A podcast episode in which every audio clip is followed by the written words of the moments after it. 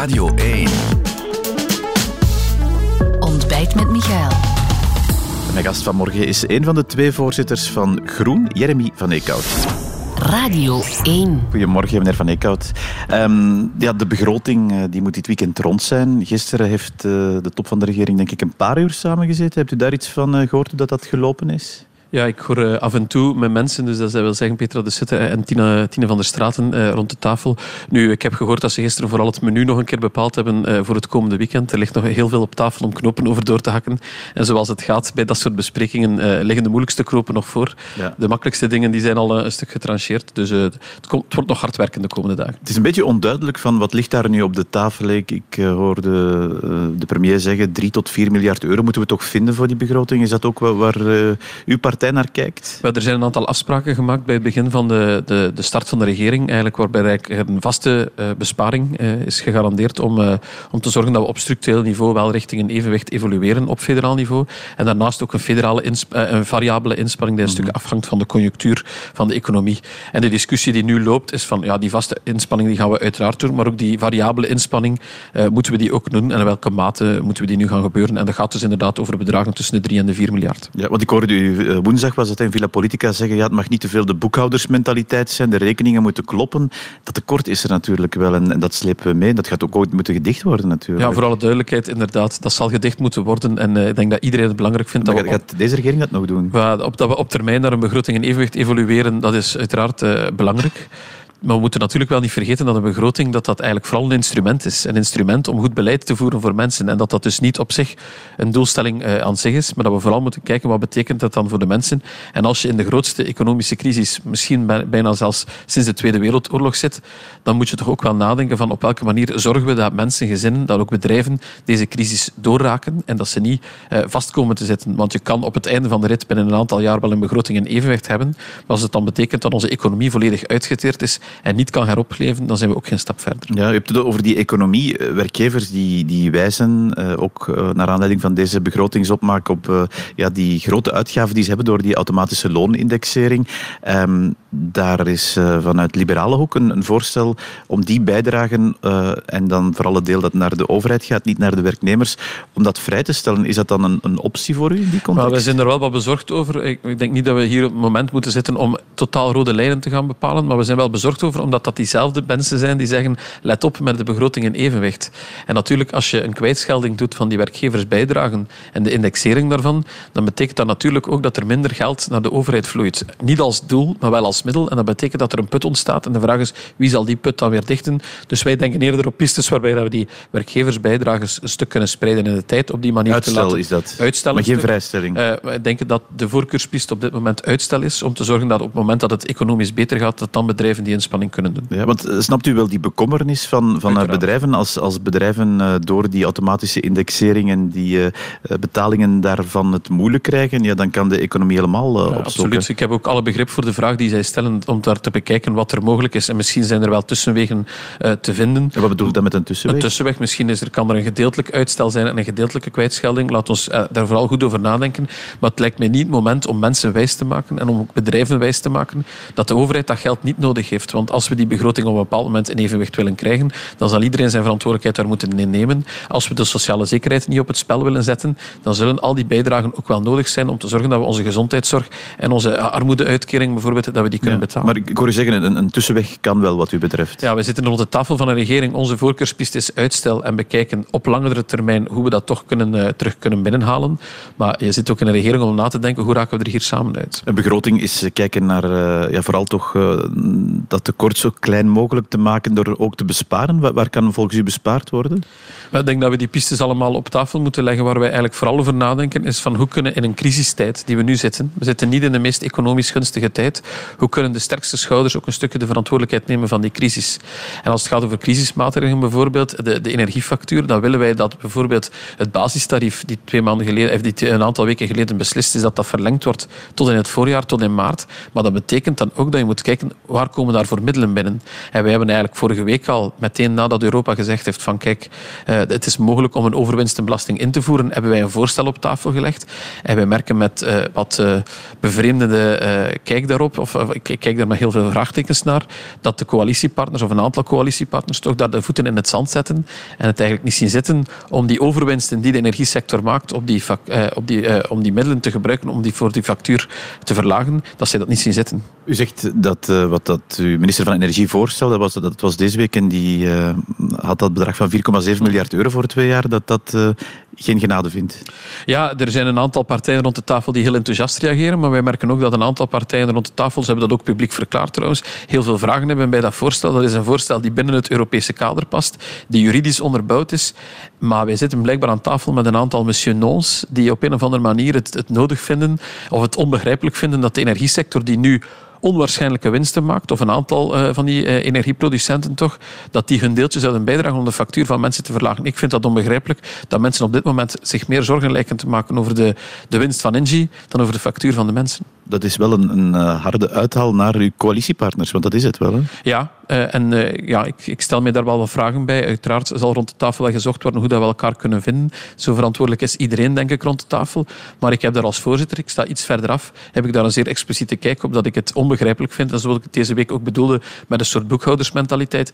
Ik vind dat je in een crisistijd nood hebt aan politici die kijken wat er mogelijk is en niet aan politici die bij alles en nog wat zeggen oei, maar dat is onmogelijk, dat kunnen we niet doen. Ja, er zijn natuurlijk wel een aantal argumenten, meneer Van Om aan te halen. Om te beginnen, ja, Europa geeft dat kader wel het juridisch afdwingbaar maken, dat is natuurlijk nog wel dat, dat is toch een terechte bekommernis, want je kan dat nu gaan inschrijven, er al van alles mee uitgeven en het dan misschien uh, betwist worden, waardoor het niet kan. Ja, wij maken ons sterk dat het voorstel die Tine van der Straten op tafel heeft gelegd als minister van Energie, dat dat een gematigd voorstel is. En dat dat dus juridisch robuust genoeg is om ook zijn juridische toets te doorstaan. En dat dat dus niet eh, in het gedrang zal komen. Er zijn inderdaad partijen, ik denk aan PvdA de, in het federaal parlement, die vragen om nog veel verder te gaan. Maar dan kom je in juridisch eh, in een soort onzekerheid terecht, wat wij uiteraard niet willen. We hebben die middelen echt nodig. En die moeten gebruikt worden om de factuur van mensen naar beneden te halen. Maar wat er op dit moment voorgesteld wordt, is juridisch haalbaar. Ja, het is natuurlijk veel verder dan wat Europa uh, mogelijk maakt. Dat hebt u zelf ook al aangegeven. In plaats van 180 euro per megawattuur, 130 euro per megawattuur. En niet voor zeven maanden, maar voor twee jaar. Ja, de vraag is, twee jaar en dan, dan uh, worden er allemaal berekeningen mee gemaakt. Hoe realistisch is dat? Hè? Want het gaat natuurlijk over ook volgend jaar. En wat die prijsevolutie volgend jaar zal zijn, wie, zal het weten? Absoluut. Maar uh, dat is ook de kracht van het voorstel natuurlijk. Als, het, als die uh, prijsevolutie in een goede richting gaat, dan hebben we die overwinsten ook minder nodig. Ik zou graag hebben dat we niet volle twee jaar die overwinsten moeten af gaan romen. Want dat zou betekenen dat er minder overwinsten zijn. En dus dat de prijzen voor de mensen naar beneden gaan. Maar Europa zegt zelf, je kan eigenlijk langer doen en meer doen dan wat wat wij op dit moment voorstellen. Ik vind dat België daarin de, de lead moet nemen om dat ook een stuk te doen. Moet dat dit weekend, moet dat tegen dinsdag, dinsdag is het, moet dat tegen dinsdag eh, rond zijn? Absoluut. Dat is een fundamentele discussie die er ook over gaat. Want je kan dat niet doen. En, uh, zonder, uh, als je dat niet doet, dan kan je niet beslissen welke maatregelen je neemt om de energiefactuur van mensen en bedrijven naar beneden te halen. En dus wat ons betreft is die belasting op die overwinsten een middel om het doel, betaalbare energiefacturen, om dat waar te maken ja, u zegt, ik ga niet van rode lijnen spreken, maar u zegt het moet er zijn en, en eh, er zijn er die dat tegenhouden. U trekt hier eigenlijk een rode lijn. Maar er moet een aanpak rond de overwinsten zijn. En uiteraard, uh, we zijn verstandige mensen. Ik zet niet op de schouders van mijn ministers iedere dag mee te kijken wat er gebeurt. Ze kennen de grote lijnen. Maar die 130, dat lijkt ons een, een billig voorstel die ervoor zorgt dat ook energieproducenten nog hun normale winst kunnen maken en nog marge hebben om te investeren in nieuwe technologie. Want het grootste, uh, het grootste drama zou zijn dat die energieinvesteringen onder druk komen dus het moet verder gaan dan wat Europa toelaat, dat zegt u? Wij willen een stuk verder gaan dan wat Europa toelaat. En als dat niet is? Ja, dan, moeten we daar, dan moeten we daar onder de coalitiepartners over spreken. Maar ik denk dat de voorbije maanden iedere partij vragende partij was om iets te doen rond die overwinsten. Er ligt nu een concreet voorstel op tafel. En nu hebben sommigen daar blijkbaar uh, moeilijk mee. Maar wij zullen altijd uh, de factuur van mensen in de gaten houden en minder de winsten van Engie. Wat ik uh, ook zie dat op de tafel ligt, is een verhoging van de effectentax. Is dat iets waar uw partij ook vragende partij voor is? Ja, ik denk dat dat een piste is. Ook weer Het is nu 0,15 procent. het is nu 0,15. Wij denken dat daar een, een verdubbeling, een, verdubbeling. een billijke, een billijke inspanning is op dit moment op die effectentax. Opnieuw niet als doel, maar als middel. Je moet op dit moment echt kiezen van, kijk, als je beleid wil voeren, wie kan, die, wie kan dat dragen? Dat gaat over mensen die effectenrekening hebben, of vennootschappen en zo verder, ja. die uh, effectenrekening hebben van meer dan een miljoen euro. Wij denken dat daar uh, 3000 euro belastingen opheffen als het een miljoen euro is, dat dat eigenlijk zeer billig is. Ja, maar u weet dat effecten, rekeningen, uh, samenhangen met financiële markten die gigantische klappen hebben gekregen. En u noemt dat dan billig, is dat niet wat contradictorisch? Nee, dat is billig omdat het nog altijd gaat over mensen die een effectenrekening hebben van meer dan een miljoen euro. Dus we gaan niemand straffen die onder dat miljoen euro zakt. Die worden niet extra belast. En het gaat, als je een effectenrekening hebt van een miljoen euro over een jaarlijkse belasting van 3000 euro, dat is echt wel uh, verdedigbaar. Ik heb u eigenlijk heel veel horen zeggen over nieuwe inkomsten, maar ik heb u niet horen zeggen over besparingen. Wel, wij gaan ook die, die inspanning natuurlijk doen. Wij moeten kijken wat er mogelijk is. Er liggen een aantal debatten op tafel, bijvoorbeeld in de RVA. Wat is er nog mogelijk? Uh, maar uh, dat zijn, het zijn zodanig verfijnde debatten dat het zeer moeilijk is om daar nu de grote uitspraken over te doen. Maar wij zijn uiteraard ook diegenen die zeggen die inspanning moet gebeuren. Dat is de reden waarom dat we in deze regering afgesproken hebben dat we 0,2% inspanning doen ieder jaar om dat, uh, om dat de begrotingstekort uh, in te perken. En die moeten we zeker doen. Ja, het is een kleine besparing, maar ze heeft wel wat deze week ophef veroorzaakt. Is die eh, besparing die de ministers zelf zullen, zullen leveren. Enfin, is dat niet veel gedoe en, en, en voor, voor uiteindelijk een bedrag dat, dat niet zo wezenlijk is? en de olifant in de Kamer is natuurlijk die partijdotaties. Daar hoor ik eigenlijk niet echt iemand iets over zeggen. En daar valt wel geld te besparen. Het is goed dat u het opbrengt. Um, laten we inderdaad eerlijk zijn, puur met het uh, inperken van de lonen van politici, zijn de uh, parlementsleden en ministers, gaan we de begroting niet recht, trekken. Ik denk wel dat het belangrijk is dat er een inspanning gebeurt, al is het maar een soort solidaritetsinspanning die er moet gebeuren om te tonen dat we de boodschap begrepen hebben. Twee, het grote debat zit op die partijfinanciering inderdaad. En ik denk dat daar twee dingen moeten gebeuren. Eén, op korte termijn moet daar een inspanning gebeuren, dus ook daar moeten we nadenken. Het, niet indexeren, is dat bijvoorbeeld een optie? Uh, het niet indexeren, we hebben nogal moeite met het in vraag stellen van de index, omdat dat op dit moment ons instrument is die het meeste koopkracht garandeert. En als je dat uh, bij andere dingen niet doet, we hebben daar bij de kinderbijslag de discussie gehad over de indexering, dan moet je dat ook op partijfinanciering niet doen, waar ook mensen mee betaald worden. Maar wat we wel moeten doen, is de basis van de partijfinanciering misschien uh, in de gaten houden en kijken of dat we daar het basisbedrag niet een stuk kunnen gaan verlagen. Dus dat ligt heel erg open om diezelfde inspanning ja. te doen, niet via een indextop, maar via een besparing gewoon op het basisbedrag. Twee, wat er ook fundamenteel nodig is, echt het herbekijken van onze partijfinanciering. Uh, we zijn eigenlijk een land die uitzonderlijk hoog onze partijen financiert. Ik ben een voorzitter van zo'n partij, dus wij proberen dat geld nuttig te besteden. Maar er zijn dingen uh, die absoluut niet meer nodig zijn. Als ik zie hoeveel miljoenen we geven aan uh, investeringen, aan advertentiecampagnes ja. op sociale media, vooral de collega's van andere partijen, dan moeten we dat misschien niet meer doen. Ik wil toch even op ingaan op die twee dingen. U zegt van misschien moeten we dan die dotaties naar beneden. Waarop wacht u? Wij wachten niet. Ik zeg niet misschien, ik zeg dat dat moet okay, gebeuren. Dus er komt een voorstel van die partij? Ja, absoluut. We gaan daar rond de tafel kijken wat er mogelijk is. Alleen zijn er verschillende systemen om dat te doen. Maar er moet een inspanning Maar dat hoor ik wel al langer zeggen. Vooral duidelijk niet alleen u, eh, meneer Van Eekhout, maar eh, ik hoor al vaker zeggen, ja, dat moet naar beneden. Er, er gebeuren met die partijfinanciering dingen die eigenlijk niet bedoeld zijn. En pretparken die worden afgehuurd door uh, meerdere partijen. Uh, maar ik, ik zie wel niks op de tafel liggen. Wanneer komt er dat dan? Um, dat is een uh, materie voor het parlement. Ik, uh, ja, maar uw partij zit daar ook en absoluut, zit in de meerderheid. Maar ik verwijs naar uh, de initiatieven die Christophe Calvo rond dat thema al lang heeft op tafel gelegd. En dat gaat over het limiteren van wat er kan gebeuren in socia op sociale media bijvoorbeeld. Ja, om te maar de hoogte van de bedragen naar beneden. Maar ook de hoogte van de bedragen moet herbekeken worden. Is dat deze legislatuur nog iets wat, maar wat Ik denk dat daar stappen moeten gezet worden. Ik denk niet dat je van de ene dag op de andere dag kunt die middelen naar beneden halen, want daar worden, zoals ik zeg, ook mensen en gezinnen mee betaald. Dus je kan niet van de ene dag op de andere dag dat gewoon bij wijze van spreken halveren. Maar je moet wel een voorstel hebben die misschien in 2025 kan ingaan, na de volgende verkiezingen, om structureel de partijfinanciering aan te pakken. En ik herhaal, dat staat los van een inspanning die er sowieso nu ook moet gebeuren. Ja, en die inspanning nu, dat bedoelt u op? Op de partijfinanciering. Die er nu ook komt? Daar moeten we nu in het parlement denk ik over nadenken. En dat is trouwens iets waar we niet alleen federaal moeten over nadenken. Ook in het Vlaams parlement gebeuren er dotaties aan partijen. Provincies en gemeenten. Provincies, gemeenten. Laten ons samen die inspanning doen om te kijken uh, wat er op korte termijn kan. Maar laten we dan ook vooral kijken op, uh, op lange termijn uh, wat er mogelijk is. Oké, okay, dat zullen we zeker volgen. meneer Van Eekhout, u bent net geen vier maanden voorzitter. We hebben hier even zitten, zitten rekenen.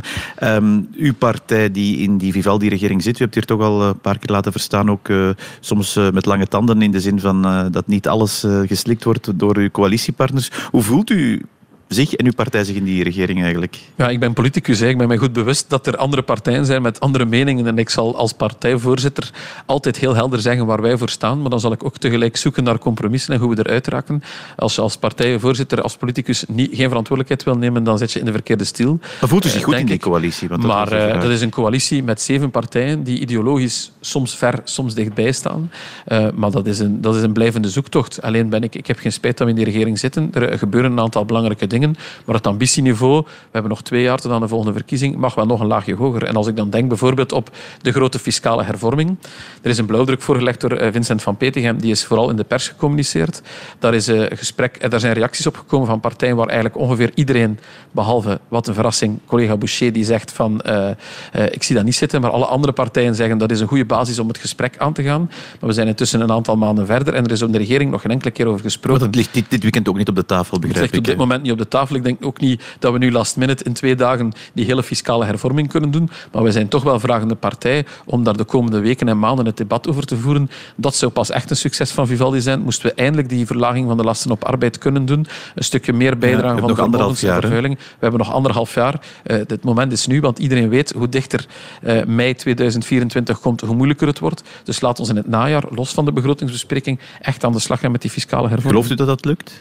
Ja, het moet, omdat die lasten op arbeid naar beneden moeten. Omdat we moeten zorgen dat het op een manier gebeurt dat we de begroting niet structureel in onevenwicht trekken. Wat ik de vorige legislatuur heb gezien, een tax-shift die 5 miljard per jaar kost, de vorige uh, federale regering, ja, dat gaan we niet opnieuw herhalen. Maar we moeten nu wel echt stappen zetten.